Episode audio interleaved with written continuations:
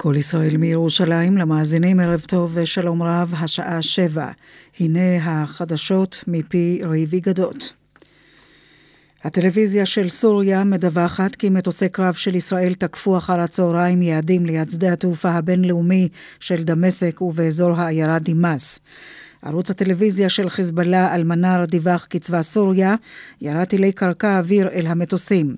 ערוץ הטלוויזיה הלבנוני אל-מיאדין המזוהה עם חיזבאללה ועם המשטר בדמשק דיווח כי במהלך התקיפה היו עשר רגיחות וכי הותקפו שני מחסנים. לא נמסרו עוד פרטים. בכל הדיווחים נאמר כי לא היו נפגעים. צבא סוריה אומר בתגובה כי התקיפות שעשתה ישראל באזור דמשק הן פגיעה בוטה בריבונותה של סוריה, וכי מדובר בסיוע לטרוריסטים. בהודעה שפרסמה המפקדה הכללית של הצבא הסורי נאמר כי תקיפות ישראל לא ירתיעו את סוריה בהמשך המאבק בטרור. כך מוסר כתבנו לענייני ערבים ערן זינגר. נדחתה ישיבת מרכז הליכוד מיום שני ליום שלישי לבקשתם של חברי מרכז רבים. כתבנו לענייני מפלגות יואב קרקובסקי מוסר כי ההצבעה על הצעות ההחלטה השונות ובהן מועדי הבחירות המקדימות תהיה ביום רביעי בקלפיות שיוצבו ברחבי הארץ. ועדת הבחירות של הבית היהודי תתכנס בימים הבאים לדון באפשרות לקיים מפקד בזק למפלגה. בבית היהודי כ-57 אלף חברים. ועדת הכנסת אישרה להביא לקריאה ראשונה את התיקון לחוק מימון מפלגות שהגישו ראשי הסיעות. על פי ההצעה, המפלגות הפועלות בכנסת לא יוכלו לקבל הלוואות מבנקים, אלא רק מקדמות מן המדינה על בסיס התקציב למימון המפלגות. בשל טענות שהחוק נועד לפגוע במפלגות חדשות, ובהן מפלגתו של משה כחלון, סוכם כי התיקון לחוק לא יחול על מפלגה חדשה, והיא תוכל לקבל הלוואה מן הבנקים.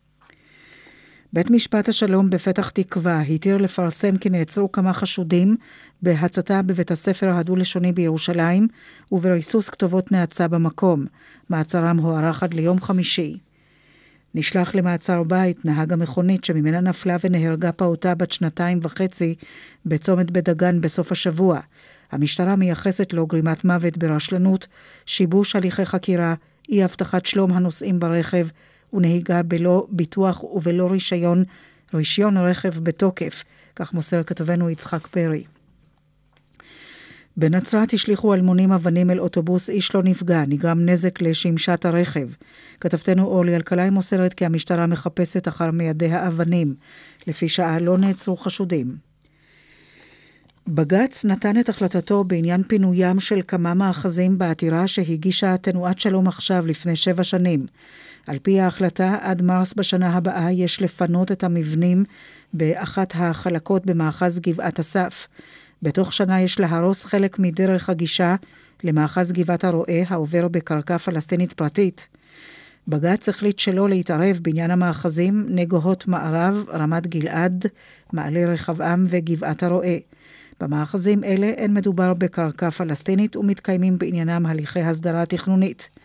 בסוגיית מצפה יצהר קבע בג"ץ כי עקרונית יש לפנותו משום שאין בעניינו אופק הסדרה, ואולם בית הדין החליט שלא להתערב בסדר העדיפויות לאכיפה שקבעה המדינה. עם זה אמר כי יש למקם את האכיפה בעניינו במקום גבוה יחסית. כך מוסר כתבנו אמוץ שפירא. והנה הודעה, התנועה בנתיבי איילון צפונה ממחלף שבעת הכוכבים תחסם לסירוגין מ-10 בלילה עד 5 לפנות בוקר בשל עבודות תשתית. העבודות יימשכו עד יום רביעי. עורכי החדשות רון נסיאל וקרין גורדן בר-אור, התחזית, מיד. בחסות ידיעות אחרונות, 75 שנה של עיתונות אמיתית ואיכותית. לקבלת העיתון לחודש מתנה עד הבית, כוכבית 3778. והתחזית מחר יעלו מעט הטמפרטורות, לקראת ערב יחלו לרדת גשמים מקומיים ברחבי הארץ מלווים בסופות רעמים יחידות. ביום שלישי התקררו, צפויים גשמים מקומיים מלווים בסופות רעמים וברד מצפון הארץ עד אילת. ייתכנו שיטפונות בנחלי המזרח והדרום. מידות החום החזויות בירושלים מ-14 מעלות בלילה עד 22 מעלות, מחר בצהריים. בתל אביב מ-13 עד 24, בחיפה מ-15 עד 22, בצפת מ-12 עד 18, בבאר שבע מ-12 עד 24, ובאילת מ-18 מעלות בלילה עד 29 מעלות, מחר בצהריים. זה סוף החדשות מכל ישראל. רשת ב' של כל ישראל, כל החדשות, השידור הציבורי שלכם ובשבילכם. מיד דין ודברים, אך לפני כן מוקד התנועה. עופר נחשון, בבקשה. תודה איריס, בדרך 85 עמוס ממג'ד אל-כרום עד כרמיאל, בדרך 60 עמוס מעפולה עד צומת עדשים, דרך 70 מצומת יסיף עד כפר יסיף, דרך 65 ממחלף עירון עד ערה, בדרך תל אביב-אשדוד ממחלף השבעה עד מחלף ראשון לציון, גאה צפונה ממחלף גנות עד מחלף מסובים, גאה דרומה ממחלף גאה עד גבעת שמואל.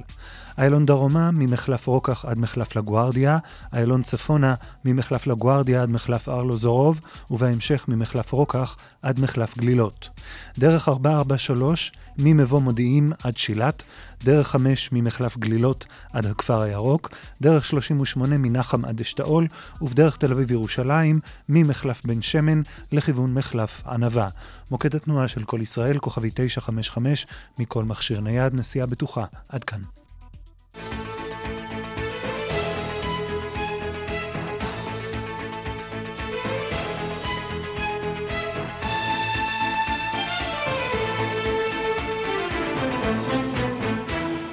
דין ודברים על חוק ערכים ודמוקרטיה ומה שביניהם עם משה נגבי. ובצוות התוכנית העורכת אורית ברקאי בהפקה דפנה אברהם, טכנאי השידור משה מושקוביץ, כאן ליד המיקרופון משה נגבי ואיריס לביא. האם נפילת הממשלה, פחות משנתיים לאחר כינונה, מעידה על חולאים בממשל הדמוקרטי שלנו, וכיצד ניתן לרפאם?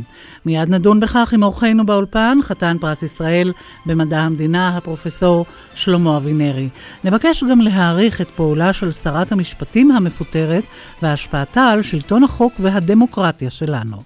האם ייתכן שהממשלה מתנערת מחובתה להגן על זכויותיהם של ישראלים הרוכשים באישורה ובעידודה דירות מעבר לקו הירוק? עמנו עורכת דין חנית נוב, שתתריע על כך שזכויותיהם של הרוכשים הללו אינן נרשמות במרשם המקרקעין הטאבו, ולפיכך עלולות להיפגע אם הקבלן שמכר להם את הדירות יפשוט את הרגל.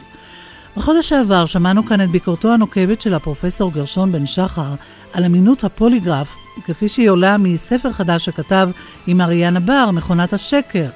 השבוע אנחנו מארחים את ניצב משנה בדימוס, דוקטור אביטל גינטון, שעמד בראש יחידת הפוליגרף במשטרה, והוא יציג את עמדתו בסוגיה הזאת. כל אלה איתנו, אבל נפתח כמובן בהערות חוקתיות בשולי נפילת הממשלה ופיזור הכנסת הצפוי מחר. משה. כן, מיד נשמע, כפי שאמרתי, ריס, את אה, פרופסור אבינרי, לגבי איזה חולאים אה, חושפת הקדנציה הקצרה הזאת, כנראה, אם לא יהיו שינויים של הרגע האחרון, הקדנציה הקצרה הזאת של הכנסת ונפילת הממשלה.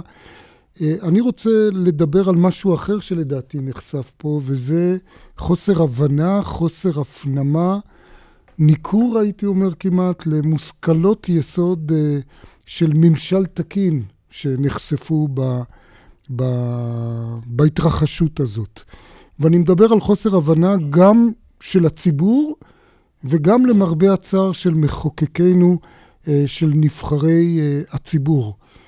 אני חושב שהיה צריך להיות ברור לכל אדם שמבין א' ב' של דמוקרטיה, שזה לא ייתכן ולא נסבל במשטר מתוקן, ששרים יכהנו בממשלה כאשר הם סבורים ונותנים לכך ביטוי גלוי ופומבי שראש הממשלה, האיש שעומד בראש הממשלה הזה, ואני מצטט מדברים שהם אמרו, הוא אדם מנותק, הוא אדם שנחל כישלון מוחלט בכל החזיתות, אדם שלא תפקד כמו שצריך בעיתות חירום ומערכה צבאית כפי שהיו אה, אה, בצוק איתן. ואני חושב שזה היה צריך להיות מובן מאליו, שמי שחושב כך על ראש הממשלה, לא יכול להיות חבר בממשלה, וצריך להסיק את המסקנות ולהתפטר ממנה, ולהצטרף לאופוזיציה ולהיאבק בכל כוחו כדי שאותו אדם לא יהיה יותר ראש הממשלה. מצד שני, אני חושב שבא במידה לא ייתכן שראש ממשלה שחושב למשל על שר האוצר שלו, שהוא כישלון מוחלט בניהול המדיניות הכלכלית, ימשיך לתת לו לנהל את המדיניות הכלכלית. והנה כמעט שנתיים, כולם אומרים, איך זה רק שנתיים הממשלה החזיקה מעמד. אני שואל, איך זה רק אחרי שנתיים, ממשלה שככה חושבים השרים על העומד בראשה, וככה חושב הראש על השרים שלו, ממשיכה לתפקד, אם אפשר לקרוא לזה לתפקד, האם היא בכלל יכולה לתפקד. שואלים כל הזמן אם יש או אין לנו משילות, וכנראה מזהים משילות עם יציבות. אבל אני אומר, מה בצע לנו בממשלה שתחזיק מעמד ארבע שנים אם היא לא מסוגלת לתפקד אה, ולקבל החלטות?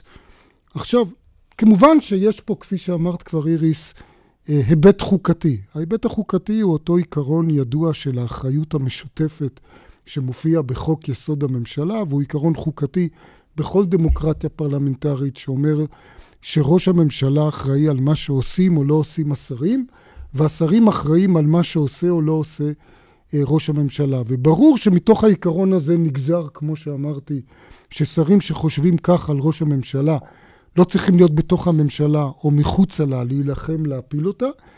ולעומת זה ראש ממשלה שאחראי כאמור למה שעושים השרים, אם הוא חושב שהם לא מתפקדים, חובתו, לא רק סמכותו, חובתו אה, אה, לפטר אותם. אבל אני רוצה לומר שזה לא רק עניין חוקתי בעיניי, זה עניין מוסרי ממדרגה אה, ראשונה.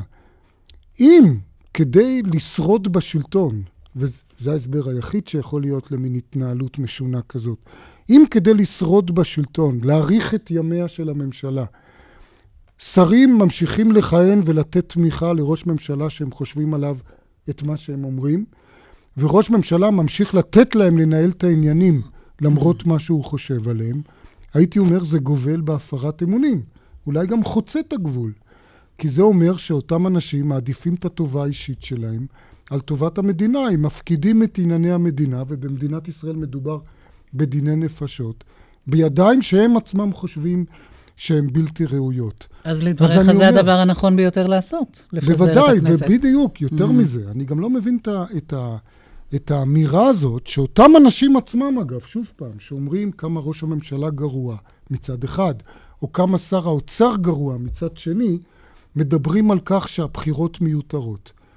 אם אתה חושב שראש הממשלה גרוע, הדרך היחידה למנוע את המשך המצב הגרוע הזה, שכמו שאמרתי, יכול להיות פטאלי במציאות של מדינת ישראל, לעלות בחיי אדם, אולי כבר עלה חלילה בחיי אדם, זה לקיים בחירות, כי זו הדרך היחידה להחליף ראש ממשלה אה, במציאות הפוליטית הקיימת היום אה, אה, במדינת ישראל. אז עוד פעם, עצם האמירה הזאת, הבחירות מיותרות, לדעתי, מעידה על חוסר הבנה בסיסי אה, של מה זו אה, דמוקרטיה.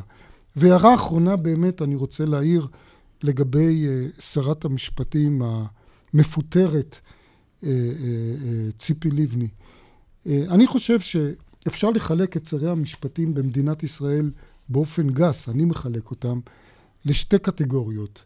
שרים שראו את עצמם כנציגי המערכת המשפטית במערכת הפוליטית, כלומר כמי שאמורים להגן על העצמאות של המערכת המשפטית מפני התנכלות פוליטית, ושרים שראו את עצמם כשליחי המערכת הפוליטית בתוך המערכת המשפטית, כלומר, כמי שאמורים לבחוש שם בחישות פוליטיות ולגרום למערכת המשפטית לרצות את המערכת הפוליטית.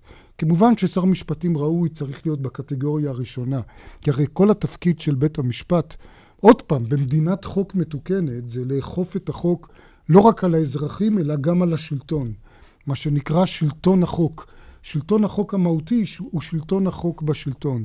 ואת זה אתה לא יכול לעשות אם השלטון שולט בבית המשפט, הוא יכול להציב את עצמו מעל החוק. ומהבחינה הזאת אני חושב שללא ספק צריך להצדיע לשרת המשפטים שהיא בלמה כל מיני ניסיונות של המערכת הפוליטית לסרס ולפגוע אה, במערכת המשפט. כמובן שחבל שכמו כל קודמיה, היא לא הצליחה לעשות את הדבר החיוני מעבר לזה, שיבטיח הגנה קבועה למערכת המשפט, וזה להשלים סוף סוף אה, חקיקת חוקה שתמנע מן הכנסת באופן שרירותי, אה, באופן אה, עריץ, לפגוע, להשתמש בכוח שלה כדי לפגוע בזכויות כן. המיעוטים ובזכויות היחיד, וכבר ראינו את זה דווקא לקראת סוף הקדנציה של הממשלה ושל הכנסת.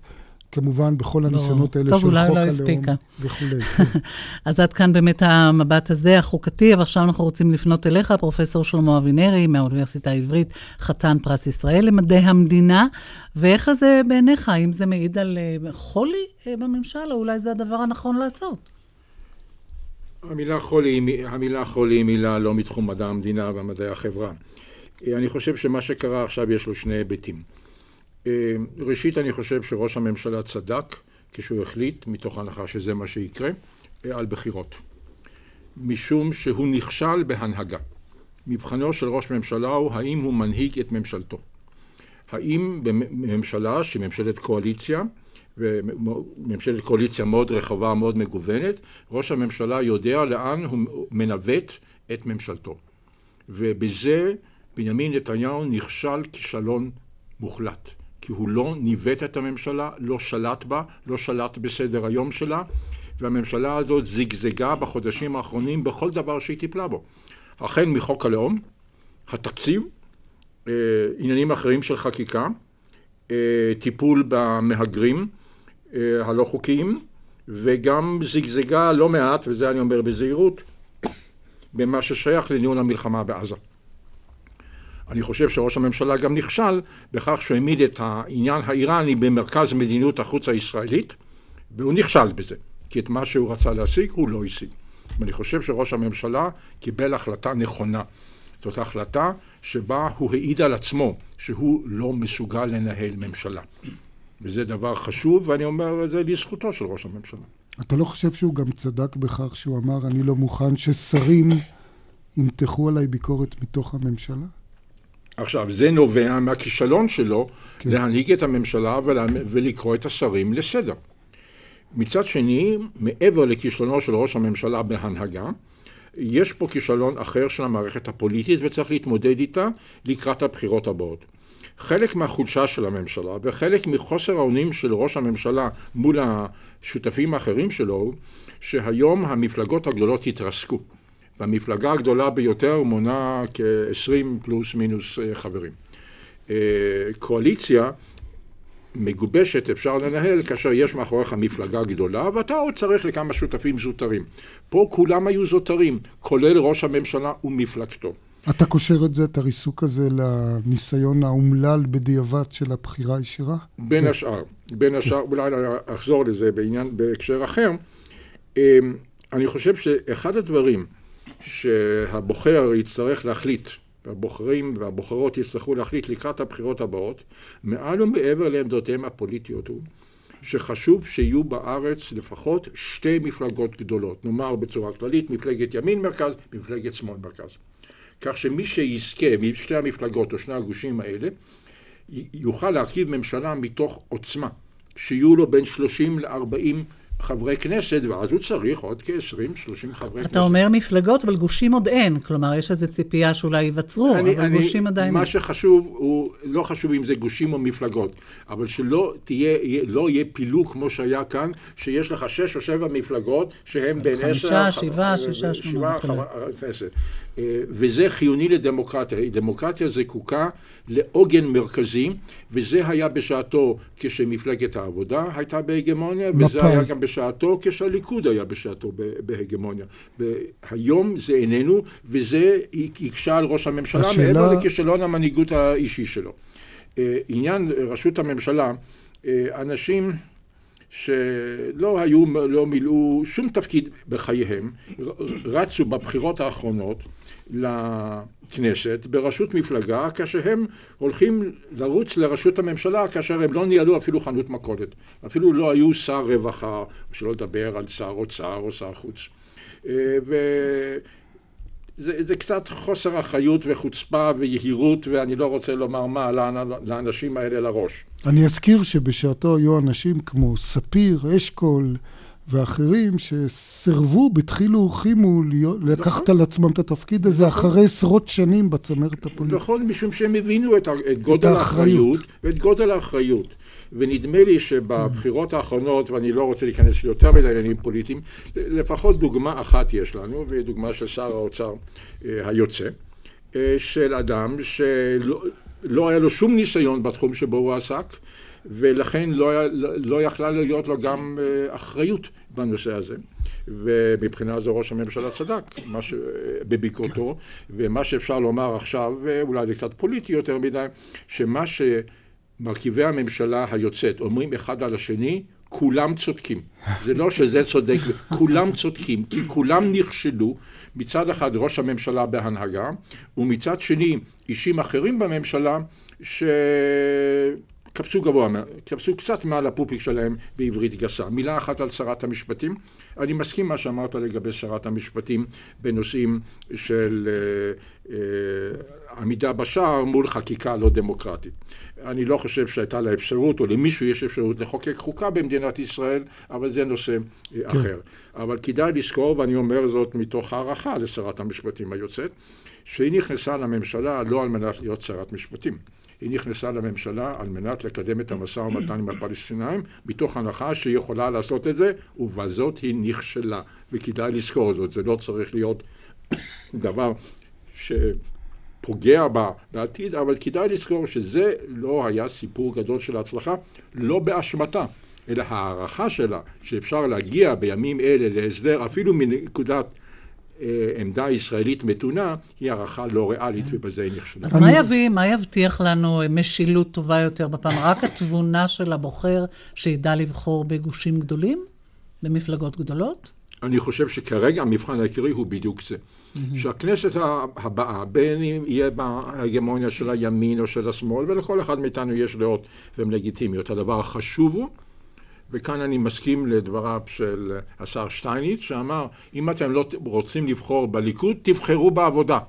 ואני חושב שאנשי העבודה צריכים לומר בדיוק אותו דבר. אם אתם לא רוצים לבחור בעבודה או בגוש שיתלכד מסביב למפלגת העבודה, תבחרו בליכוד. משום שחשוב שיהיה עוגן או מימין או משמאל. אבל המפלגות הקטנות נותנות אולי איזה עוד ייצוגיות לעוד פנים, לעוד מגזרים, לעוד דעות. המ... לעוד... בוודאי. Mm-hmm. הרי המפלגות האלה לא מייצגות שני דברים. כל מפלגה גדולה, מפלגה עממית גדולה, הרפובליקנית בארצות הברית, השמרנית באנגליה, הדמוקרטית בארצות הברית, כל אחת ואחת מהן בתוכה מייצגת אה, רבדים שונים, היא בעצם קואליציה. שונים, היא פלורליסטית. מפלגת כן. העבודה הייתה בהיסטוריה פלורליסטית, הליכוד היסטורית היה אה, פלורליסטי מאוד בהרכבו, והיו לו מרכיבים שונים, ולכן הוויכוח האמיתי היה בתוך המפלגות. כשאתה חוזר לשנות החמישים והשישים ואתה רואה את מפלגת, את ועידת מפא"י, ועידת מפ"ם או ועידת חירות, שם היו הוויכוחים. היום המפלגות כבר לא קיימות, משום שהן גם נשחקו בגלל הבחירה הישירה של ראש הממשלה, וגם בגלל שיטת הפריימריז, שרוקנה למעשה את המפלגות מתוכנן. מה דעתך לנסות ולסייע לתהליך הזה של שוב לחזור למפלגות יותר גדולות?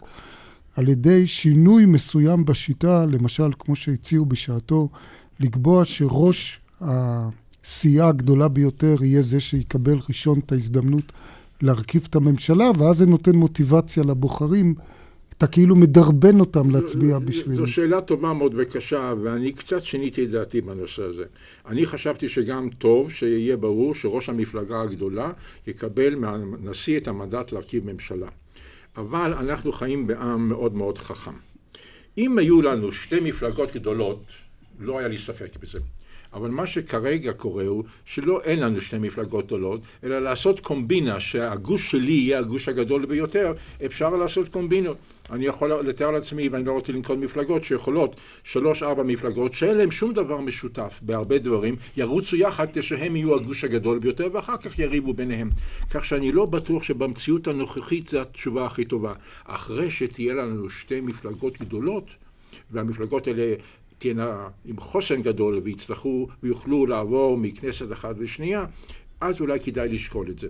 בינתיים אני מציע להיזהר בעניין הזה בגלל הקומבינה האפשרית. העלאת אחוז החסימה הזה בעיניך, והעלו אותו בצורה די ניכרת אה, לקראת הבחירות האלה, אה, לשלושה ורבע אחוז.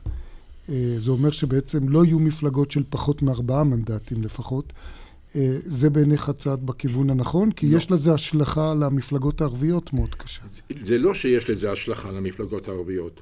זהו חוק שהתכוון להקטין את הייצוג של הציבור הערבי במדינת ישראל, ולכן זהו חוק בלתי אה, לגיט... זה, זה חוק לא דמוקרטי, זה חוק שיש בו יסודות מאוד מאוד לא נעימים מבחינה לאומנית, אני חושב שאולי אחת התוצאות שלא תהיה שהמפלגות הערביות שהן מסוכסכות ביניהן, מפולגות ביניהן, כי ערבים מפולגים כמו יהודים, מדוע לא, הם יתלכדו, ובכנסת הבאה אנחנו עשויים למצוא גוש ערבי לאומי, אם לא לאומני מלוכד, וזה גם מי שהציע את ההצעה הזאת לא רצה. וגדול יותר, כן. יותר גדול, והציבור הערבי במדינת ישראל לא קל לו. וגם לציבור היהודי לא קל עם הציבור הערבי במדינת ישראל. ולהעמיד אותו בפני מצב שבו כאילו יש מישהו שברצינות רוצה למנוע ייצוג אפקטיבי של האזרחים הערבים בכנסת ישראל זהו דבר לא דמוקרטי וזהו דבר פגום מאוד וחבל שזה עבר. דיברת על הנזק שנגרם כתוצאה מפרסונליזציית היתר של, ה... של הפוליטיקה שלנו, גם כתוצאה מהניסיון האומלל של הבחירות הישירות לראשות ממשלה. אבל נדמה לי שאחד הגורמים לזה הוא גם תופעת הפריימריס, אה, המרוץ האישי של אנשים. אה, אנחנו רואים שהתופעה הזאת אומנם מצטמצמת, אבל במקומה אולי באה תופעה עוד יותר חמורה, שכמו שאמרת, בן אדם מושך את עצמו למשיח וממנה, כמו, איך אומרים, שלגיה ושבעת הגמדים, ממנה עוד שבעה אנשים כראות עיניו, או עשרה אנשים שירוצו איתו, אז צריך פה למצוא את שביל הזהב אולי. בדיוק כך. Uh, כמו ששיטת הפריימריס היא שיטה שמרסקת את המפלגות וגם פוגעת ברמה של הנבחרים, משום שאנשים מתמודדים על דברים לא רלוונטיים, על קסם אישי ועל קשרים אישיים ולא תמיד על עמדות. Uh, מצד שני, המפלגה החדשה שדיברה על פוליטיקה חדשה מפלגת יש עתיד שנכנסה לכנסת היוצאת בכל תרועה גדולה, היא מפלגה שבנויה ונבנתה על ידי מייסדה ומנהיגה, ואני משתמש במילה מנהיגה משום שאני משתמש במילה הזאת בעברית, אבל יש לה בתרגומים לשפות אחרות אה, אה, צלילים לא נעימים. אה, הוא קבע מראש ש... הוא יהיה ראש המפלגה. עד 2020, אני חושב. עד 2020, אני 2020? נדמה לי. נדמה לי, על כל פנים, ליותר מקדנציה אחת או שתיים, והוא ימנה את חברי ה... אה, את המועמדים אה, לכנסת, זהו דבר אנטי דמוקרטי ואני בוש בכך שחלק מהמצביעים למפלגה הזאת שנמנים על השכבות המשכילות ביותר ולכאורה הליברליות או הדמוקרטיות ביותר לא תפסו שהם הצביעו עבור מפלגה שהיא מפלגה היררכית אוטוריטרית, אני לא רוצה לתת שמות ואני לא רוצה לתת הגבלות, זה דבר שאין לו מקום במדינה מודרנית. אני רוצה רק להעיר פרופסור אבינרי לסיכום הדברים ש... מסתבר שיש נושאים שבהם המערכת הפוליטית שלכאורה כל כך משוסעת ומקוטבת ומשמיצה צד אחד את יריבו, יכולה להתלכד, וזה כשמדובר בכסף. אותו הנושא של מוכר ולא חביב של מימון מפלגות, הפנה את תשומת ליבי אה, הפרופסור מנחם הופנונג, שהוא מומחה בתחום אה, מימון המפלגות, שאיילת שקד וחברי כנסת ערבים ואלקין ו...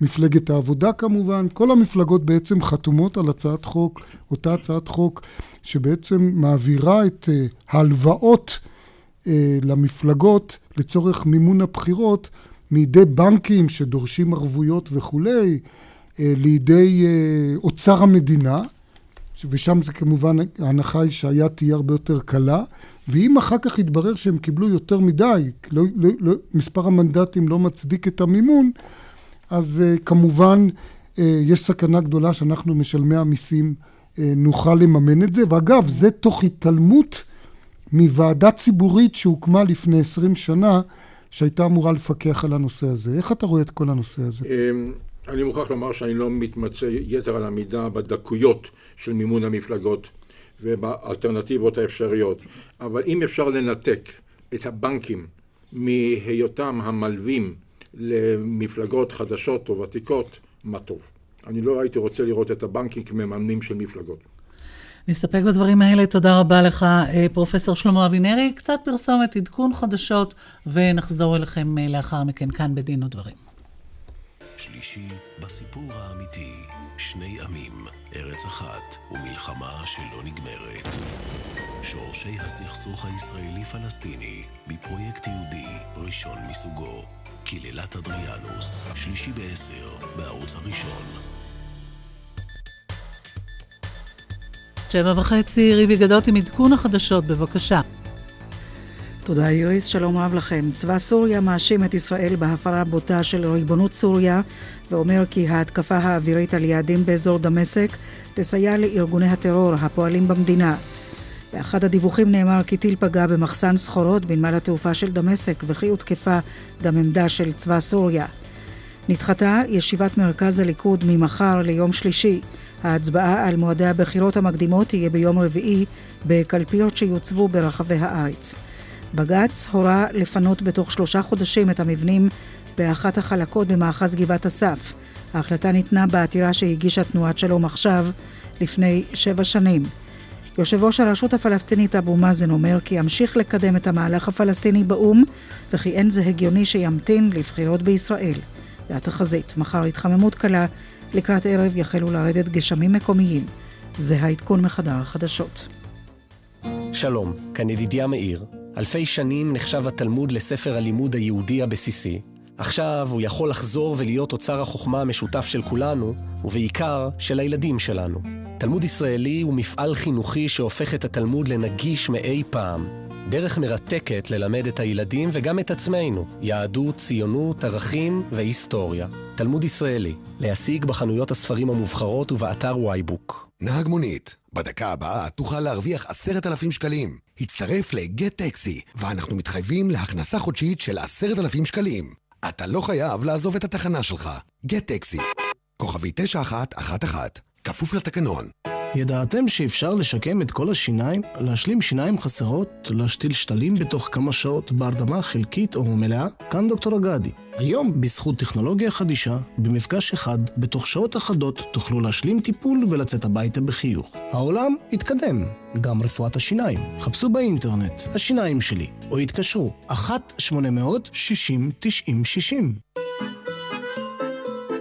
שלום לכם, כאן הדוקטור אבשלום קור. ברשת בית בכפר המציאו שיטה חדשה, דיור מוגן בשיטת הליסינג, אבל נדבר עברית, דיור מוגן בשיטת ההחקר.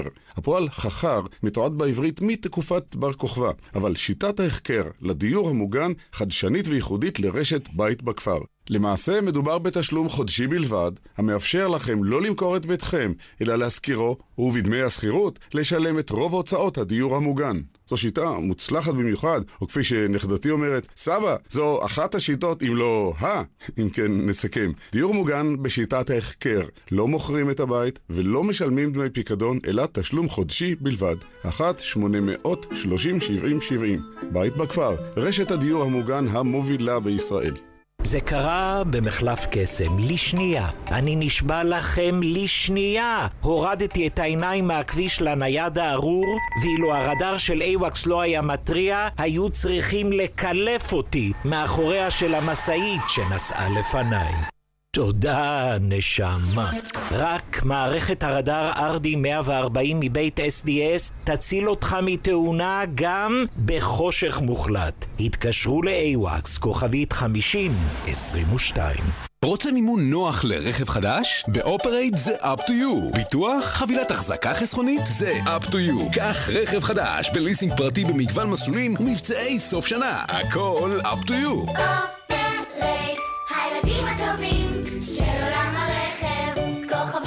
5880. אופרייט. הלו mister, אני צ'אנג, מצ'אנגל צ'אנג אלקטרוניקס. אצלי תמצאו מוצרי חשמל הכי זולים בתאילנד. אבל אם אתם בארץ, קרנבל החשמל. קרנבל החשמל, מותגים גדולים במחירים קטנים, עד 60 אחוזי הנחה על תצוגות ועודפים. אילו זמנים mister? קרנבל החשמל, 2 עד 9 בדצמבר בגני התערוכה, חניה חינם. בנק ירושלים, שלום. שלום, אני מעוניין בהלוואה. בכיף, הלוואה זה פשוט. באמת? בבנק שלי זה ממש לא פשוט. טוב, אצלנו זה פשוט. מעולה, אני רוצה פשוט הלוואה.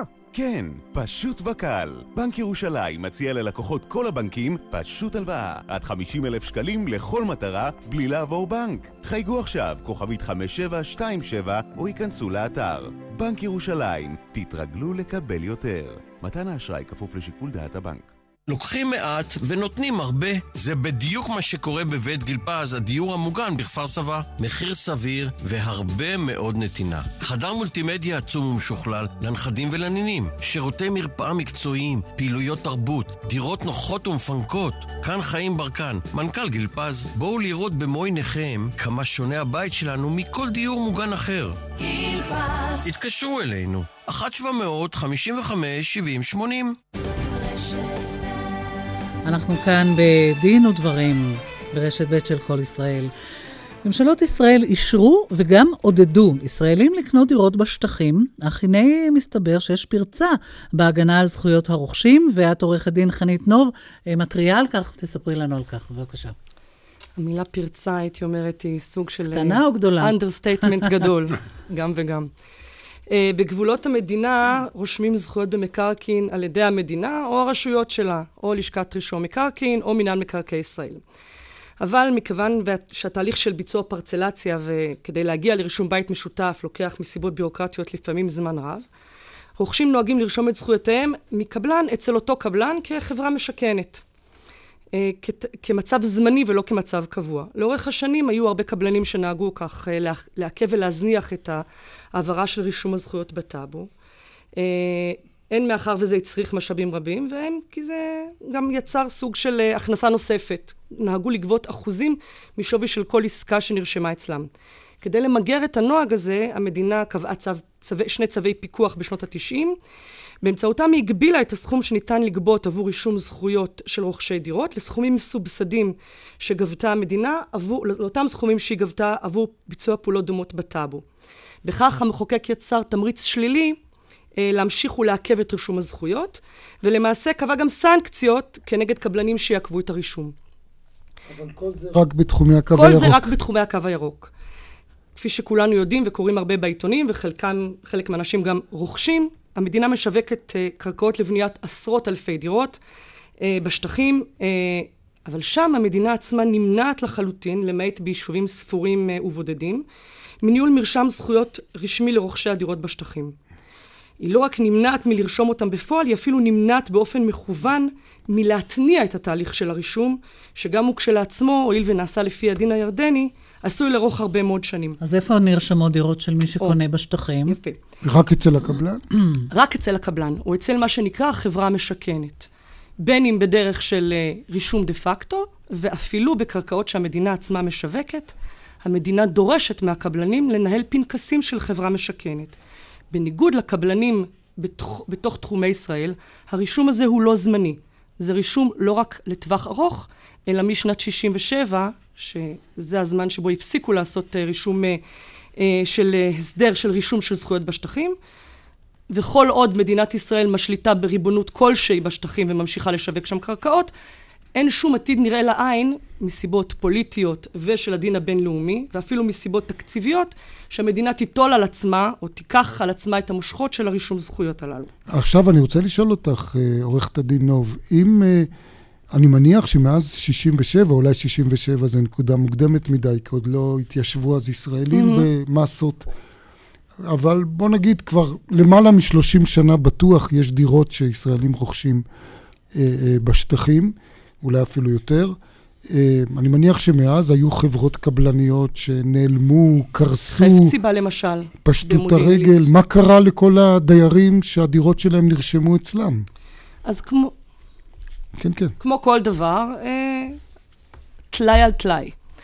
אה, וזו, וזו בדיוק הבעיה. כאשר חברה כזו פושטת את הרגל, או מחליטה, תכף נדבר מה קורה כשהיא מחליטה על דעת עצמה לחדול מלרשום, אבל כאשר היא פושטת את הרגל, מתמנה בעל תפקיד בדרך כלל כונס נכסים או מפרק, ואז מה שהוא עשה, או נעשה בעבר, מגיעים לאיזשהו הסדר פרטני בבית המשפט, אה, שהוא אחראי על ביצוע רישום הזכויות, ואז הוא איננו כפוף לאותו צו פיקוח שכפופות עליו חברות קבלניות, במין הסדר אה, דיוני בבית המשפט, כך זה נעשה בעבר.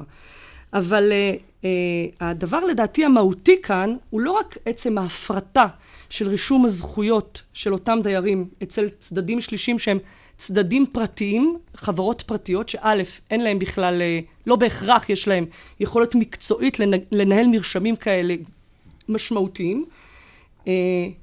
גם המדינה דאגה לסתור את עצמה ולקצוץ את כנפיהם. למה אני מתכוונת? את אותו צו פיקוח שהמדינה, צווי פיקוח, שהמדינה הכילה בתוך השטחים של מדינת ישראל, כדי לעודד קבלנים להביא למצב של רישום זכויות קונקלוסיבי בטאבו. במד... בטאבו, המדינה הכילה, או צו האלוף הכיל ב-2002 גם בשטחים. ואז נוצר לנו מצב שבו המדינה משתמשת בכלי שמטרתו הייתה, אני לא רוצה להגיד ענישתית, אבל בפירוש סוג של סנקציה כלפי קבלנים, או תמריץ שלילי, וזה לא סוד, כי זה נאמר בדברי החוק עצמם. היא משתמשת בהם כלפי אותן חברות קבלניות. זאת אומרת, היא אומרת להם, אתם תנהלו עכשיו את ספרי המרשם של אותם דיירים, מעכשיו ועד לשום עתיד נראה לעין, או בעצם בלי שום תאריך תפוגה. אני אדרוש את זה מכם גם כשתחדלו לפעול, או כשהבעלים שלכם ירצו לצאת לפנסיה, אותם בעלי מניות, ואתם תעשו את זה במחיר הפסד. יבוא השואל וישאל, אם יש לנו עניין בקבלן אה, מסחרי, הוא יגלם את זה אולי במחיר הדירה. אבל אתה יכול לגלם אולי אה, עיכוב של ארבע שנים, חמש שנים, אבל כאשר אתה נדרש לש... לנהל פנקסים כאלה 60 שנה, אולי 80, אולי 100, איש לא ידע, ולמעשה המדינה אומרת לך, אתה תנהל את זה, אבל אתה תנהל את זה כדי שתפסיד. הקבלנים לא ניסו ללכת לבג"ץ נגד האחריות הזאת שהטילו לא, עליהם? אבל מה שכן נעשה בכמה פעמים בשטח, נעשה מין מרד. היה מקרה של חברת דלתא ביישוב אורנית, שהחליטה לא לגבות לפי צו הפיקוח, אז הגישו נגדם משתכנים אה, המרצת פתיחה. תביעה. ש... תביעה שהיא המרצת... כן. שדורשת מהם למעשה, צופה פני עתיד, לרשום בעצם, אה, אותה תביעה הופנתה גם נגד אה, המינהל האזרחי, לרשום את הזכויות במחיר שהמחוקק קבע. מה קורה כשתושב כזה מוכר את הדירה שלו? גם המכירה נרשמת אצל אותו קבלן? לא רק המכירה, גם כשהוא לוקח משכנתה. אז שווה בנפשך, מה קורה לאותו דייר, אם אותה חברה פושטת את הרגל, או חדלה מלפעול, או כל דבר אחר, ומחר אין לו מי שירשום את הזכויות שלו, הוא איננו יכול למכור את הדירה, הוא גם לא יכול למשכן אותה. אה, פרופסור שלמה אבינרי, איך אתה רואה? יש לי שאלה, אני שומע על זה פעם ראשונה ואני ממש לא מתמצא בעניינים האלה, אבל יש לי שאלה. פירוש הדבר, מה שאת אומרת, שבגלל מגבלות של המשפט הבינלאומי, שרק הזכרת אותו, אבל הן כן. מגבלות קיימות, ללא ספק. ייתכן מאוד שאנשים שקנו דירות בשטחים, בעידודה של הממשלה ובידיעתה של הממשלה, שמו את כספם בצורה זו או אחרת קצת על קרן הצבי. ואם זה אכן כך, מדוע אלה שאחראים למפעל ההתנחלויות לא אמרו את זה לאנשים שדחפו אותם לדבר שיכול אולי יום אחד להעמיד אותם בפני מצב מאוד מאוד קשה. זה חוסר אחריות כלפי האנשים שמשתמשים בהם כאילו כחיילים על מנת להגיע למטרה לאומית שאפשר להסכים איתה או להתנגד לה, אבל לא אמרו להם שהם שמו את כספם אולי על קרן הצבי. אתה צודק מאוד. זו שאלה טובה. אני, ממה שאני מכירה, ואני מכירה את התחום הזה היטב, אמ, למעט במקרים מאוד ספציפיים, אגב, מקרה נוסף היה ממש השנה, שבו אה, הוטלה אחריות, או ניסו, המדינה ניסתה להטיל אחריות פלילית על קבלן שניסה לגבות סכומים שמשקפים יותר את המאמץ שהוא נקט בהם. אה, הוא עמד לדין פלילי, הוא זוכה מנימוקים אחרים, אבל אה, בפירוש המדינה ממשיכה לאכוף את המהלך הזה. ולמרות שאגב באורנית היא מנסה כרגע, או מדברת על זה שהיא מנסה לעשות פיילוט, לנסות ולרשום את הזכויות כפיילוט, הם, אה, באמצעים אחרים, זאת אומרת באמצעים מפוקחים על ידי המדינה, אני חושבת שהדרך עוד לא בשלה ועוד רחוקה מאוד, והאנשים האלה בפירוש נמצאים, הנכס שלהם נמצא על קרן הצבי. שאלה קטנה, כאשר אדם שקונה דירה בשטחים, אה, הוא יודע את הדבר הזה? אומרים לו את זה? עכשיו הוא יודע. חייבים עכשיו הוא לומר. ידע. בחוזה, שלפחות אה, קבלנים שאני מכירה, נהוג לכתוב שבאמת כרגע לא ניתן לרשום זכויות, והזכויות נרשמות בחברה משכנת. אבל יש הבדל. אבל, אה, אה, אבל גם במכרזים שהמדינה מוציאה לאות, עבור אותם יזמים, ולכן היא מכתיבה את נוסח החוזה של אותם יזמים, נוצרת בהם, אה, יש בהם אמירה שבה לכאורה מתישהו, בעתיד לא ידוע, כן. זה אולי יירשם, ואז הקבלן מחויב לשתף פעולה עם רישום כזה. אבל אף אחד לא אומר, אומר להם, זה להגיד- לא- זה יכול להיות. סעיף 180 בין 200 סעיפים. נכון. השאלה אם אומרים לו, אתה יודע שזה מה שאתה קונה. אני מניח שלא אמרו למאות אלפי לא אנשים. בשקיפות לא כנראה חושב- מוחלטת. את מכירה כבר מקרים שאנשים ניזוקו מהדבר הזה, ו... ו, ו אני תה- חושבת, תהיה אשר תהיה התשובה, האם לדעתך, אם אדם יינזק, וכולנו יודעים מה המשמעות של דירה לזוג, למשפחה במדינת ישראל, זה כל חייה כמעט מהבחינה החומרית, האם במקרה כזה את חושבת שאולי יהיה מקום לתביעה נגד המדינה? יש. על אותו דבר שפרופסור אבינרי דיבר פה, על הרשלנות הזאת, ההפקרה הזאת. התביעה הזו תלויה ועומדת היום בעניין דלתא, והיא אכן נמצאת בגישור או בהליכים שבין המדינה, אותה חברה קבלנית, וזוג דיירים שהגישו תביעה כזאת. שרוב זאת- הציבור לא יודע שזה ישנו, כן, שיש בעיה ברור. כזאת. אבל כמו שאמרנו, עכשיו הם יודעים. תודה רבה לך, תודה אה. עורכת הדין אה, חנית נוב, על הדברים האלה.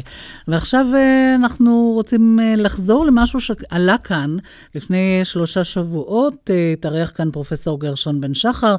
דיבר על אה, ביקורת חריפה על אמינות הפוליגרף, ואתה ניצב משנה בדימוס דוקטור אביטל גינטון, לשעבר ראש יחידת הפוליגרף במשטרה. שמעת את הדברים, אתה רוצה להביא לנו את האמירה שלך, שדווקא מחזקת את אה, האמונה במוצר הזה, במכשיר כן. הזה. אה, ראשית, יש נקודה להבהיר. כשמדברים על גלאי שקר, מכונת אמת או פוליגרף, בעצם לא מתכוונים למכונה בהקשרים הללו, אלא בעצם למערכת שלמה, שזה כולל את המכשיר, את הבודק ואת השיטה. כשאנחנו Mhm. מדברים אמין או לא אמין, זה לא המכשיר עצמו, אלא השיטה, הש- השיטה כן. או המערכת כולה. צורת השימוש במכשיר בעצם. כן, כן. המכשיר הוא רק לצורך שימוש, כן. ואם הוא תקין, אז, הוא, אז אין שום בעיות, כן. כן, אם הוא לא מקולקל. עכשיו, אין מחלוקת ש, שאין בנמצא תגובות פיזיולוגיות שהן ייחודיות לשקר. אין מחלוקת. כולם מסכימים לזה. שאין תגובות ייחודיות. שאין תגובות, אוקיי. תגובות ייחודיות לשקר. בעצם אפשר לומר שכל השיטות, שיטות הבדיקה שפותחו, נועדו לטפל בבעיה הזאת כדי לאפשר הסקה של נכונות, אמירה. בהסתברות, כן, בהסתברות גבוהה, בנסיבות שאין בעצם שום דבר ייחודי. זאת אומרת, השיטה צריכה לפצות על העניין שאין סמ- סממן פיזיולוגי ייחודי לשקר. ואתה אומר שאם הדבר הוא ספציפי, אז זה כן עובד, אם השאלות הן ספציפיות. כן, לא, אבל כאן מדברים על, על, על סוג מסוים של בדיקה, מהמם. כן? כן.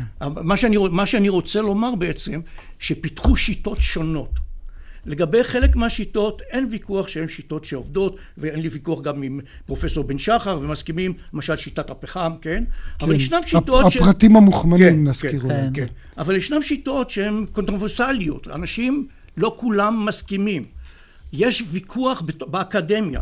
למשל עכשיו, בשנת 2014, שלושה פרופסורים נכבדים בארצות הברית הוציאו, הוציאו ספר רציני, מקצועי, שהעמדות שמוצגות בספר סותרות לגמרי את העמדות של אה, אה, פרופסור בן שחר. כן, אבל אני רוצה לשאול אותך, הרי גם לשיטתם של אותם פרופסורים שהזכרת, אני כמובן לא קראתי את הספר שלהם, את, הפ... את, הספר, של פרופסור, את הספר של פרופסור בן שחר קראתי, אה, גם לשיטתם, כמו שאתה אמרת, מדובר פה על הסתברות, כלומר, כמו כן, שאמרת, כן, אף. אחד לא טוען שזה באמת מכשיר גלאי שקר אולטימטיבי, כי אחרת באמת אפשר היה לוותר על מערכת המשפט בכלל. מה שאפשר לומר, מה שאפשר כן. לומר, שאם מבצעים את הדברים באופן אה, מקצועי. ראוי ונכון, מקצועי, כן? אז יש המחקרים- הסתברות. המחקרים מראים, מחקרים רציניים, כולל עבודה רצינית שעשתה האקדמיה המדעית, האמריקאית למדעים, כן. שעשתה לפני עשר שנים עבודה, והם הגיעו למסקנה שאותם מחקרים שעונים על מינימום, שעונים על הדרישה כמחקרים ראויים, בעצם, אם מסתכלים עליהם, מגיעים לערך חציוני של אה, אה, אינדקס דיוק שמגרד את ה-90 אחוז מלמטה. כן, אבל עכשיו, אני... 90 אחוז זה טוב או זה רע. אסור לשאול את השאלה ככה, צריך כן. לא, לשאול, זה רוצ- טוב או זה רע למה? לצורך מה, ומה יש לך על יד זה. אז אני רוצה לשאול אותך, אה, דוקטור גינטון, בדיוק בנקודה הזאת. אפילו ניקח את ההערכה המאוד אופטימית, יש כאלה שיגידו של ה-90 אחוז דיוק באבחון. לעשרה אחוז ש... שלגביו יש טעות, זה מאה אחוז טעות לאותו בן אדם. ואתה יכול לקחת בן אדם שהוא דובר אמת, וכל חייו תרדוף אותו הסטיגמה שהוא שקרן, יותר מזה. אחרי שאתה אומר שזה 90 אחוז, אז אתה אומר לעצמך, אם הוא סירב להיבדק, אז הוא בטח שקרן, כי למה הוא צריך לסרב אם רמת הדיוק היא כל כך גבוהה? אז זה- אין פה עוול? אתה- אתה הי- אין מכיר- פה פוטנציאל לעוול? אתה מכיר משהו חוץ מטביעת אצבע או דנ"א שזה מאה אחוז? לא. בואו נסתכל על ראיות אבל אחרות. אולי צריך לוותר בוא- על התקווה המיתית הזאת. תסתכל על ראיות אחרות, אוקיי? כן. השוואת מסמכים. רמת הביטחון או רמת הדיוק בהשוואת מסמכים, השוואת כתבי יד, זה לא עולה על פוליגרף. אגב, פרופסור בן הוא שחר דיבר גם על זה, על כופר גם המיתוס- לא בגרפולוגיה. מיתוס גרפולוגיה, אני לא הגרפולוגיה. מדבר על גרפולוגיה, אני מדבר על השוואת מסמכים פורנזית, שמבצעים במז"פ. כן. מסדרי זיהוי. אתה יודע שמסדרי זיהוי, אחוז הטעויות הוא פי ידוע, שניים או שלושה כן. מאשר בפוליגרף. בכל זאת משתמשים בזה כראיה. אבל אתה לא מצדד בכל, למרות כל מה שאמרת, אתה לא חושב שצריך להיות אה, הפוליגרף כן, קביל אני- אני לא- במשפט כן, פלילי. כן, אבל מסיבות אחרות, אבל לפני זה אני רוצה לומר עוד משהו.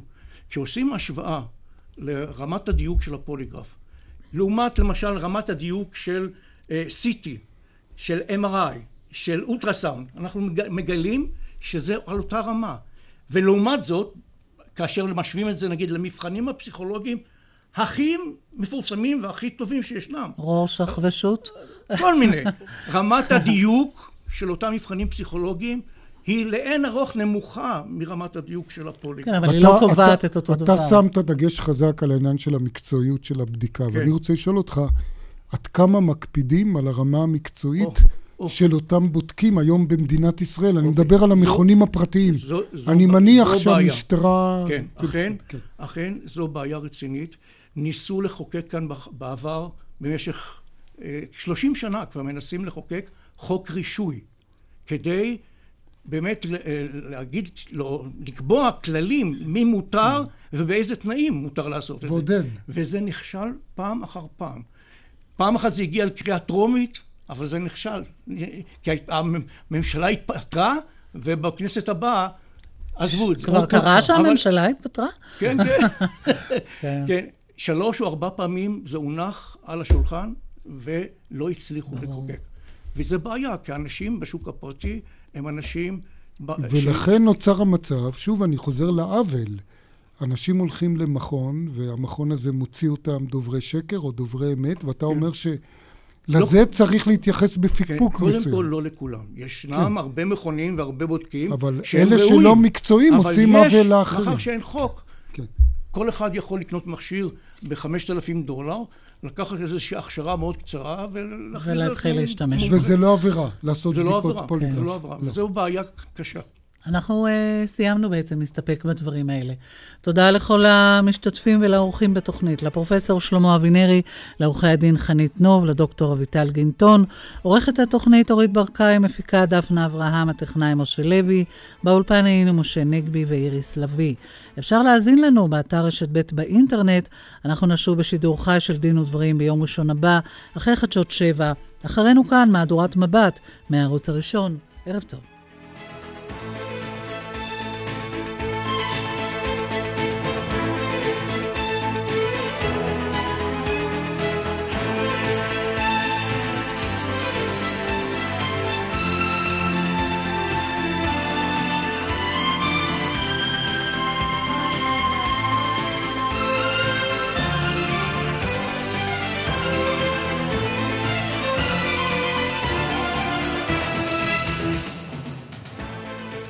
מכירת סוף השנה ברשת מחסני חשמל, עד 50 אחוזי הנחה.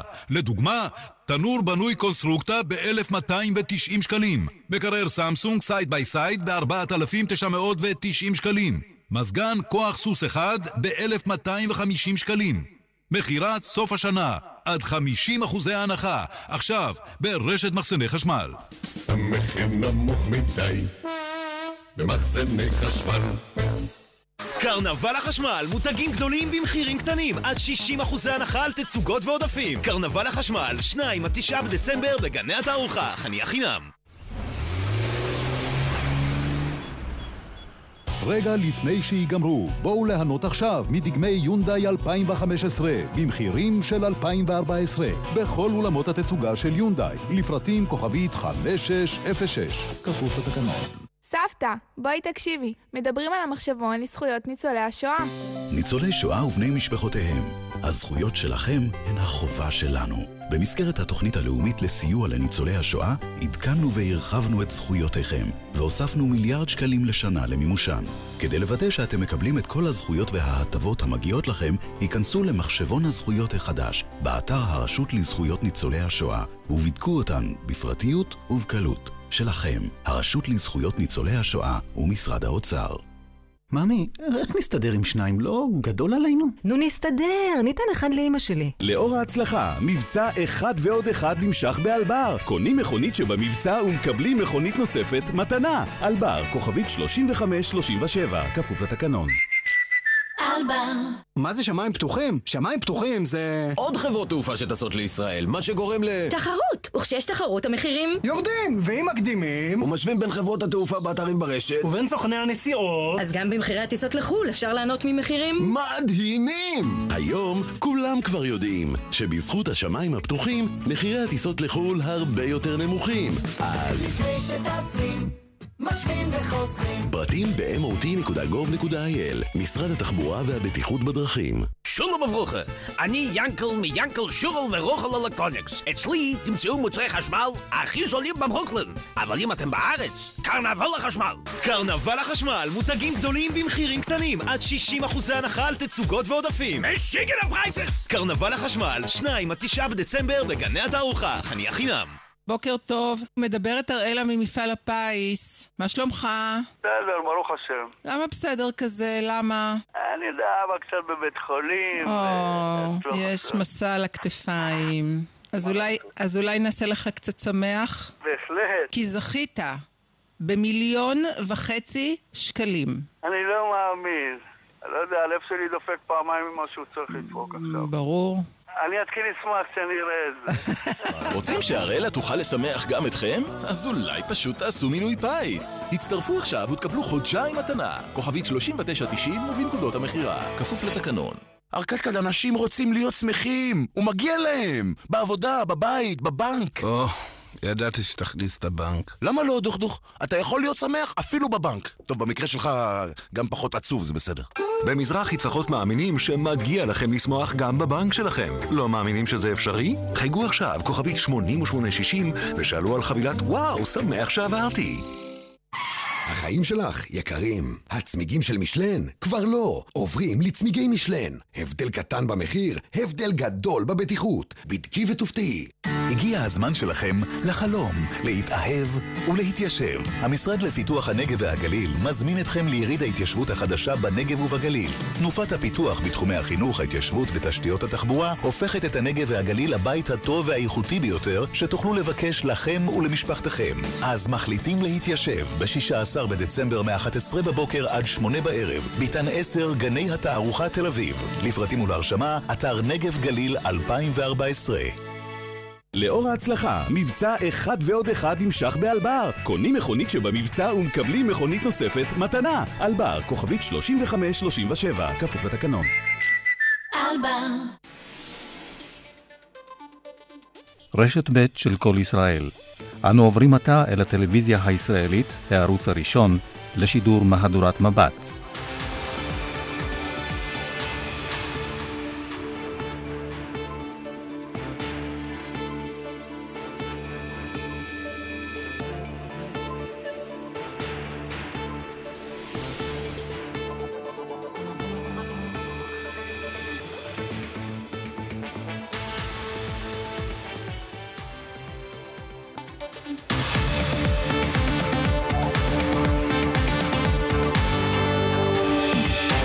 במבט, דיווחים בסוריה, ישראל תקפה מטרות צבאיות בפרברים של דמשק. היממה האחרונה של הכנסת התשע עשרה, בסביבת ראש הממשלה מכחישים את השמועות על הכוונה לדחות את הבחירות. מול המאמצים לגבש חזית מרכז-שמאל, מאשר השר בנט כי הוא מתואם עם ראש הממשלה לקראת הבחירות. אסון הנפט בערבה, פרטים חדשים על המחדל בהיערכות לאסון האקולוגי הגדול בישראל. שנים אחרי שאנסו אותה ערבים, הצעירה מירושלים נאבקת להכיר בה נפגעת פעולות איבה. הורי חיילים שלחמו בצוק איתן יוצאים נגד הכוונה להעמיד אותם לדין פלילי על מעשיהם בשדה הקרב. וגם משחק הכדורסל, הפועל ירושלים, נגד הפועל אילת. עולה!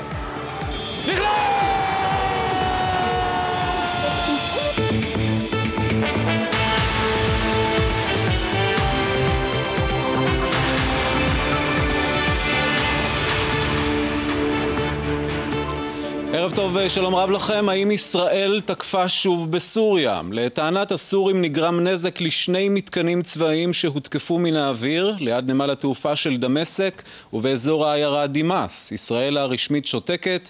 מיד נהיה איתכם כתבינו ופרשננו עודד גרנות, אמיר בר שלום ורובי אמרשלג, אבל נפתח בדיווח של יובל קינג.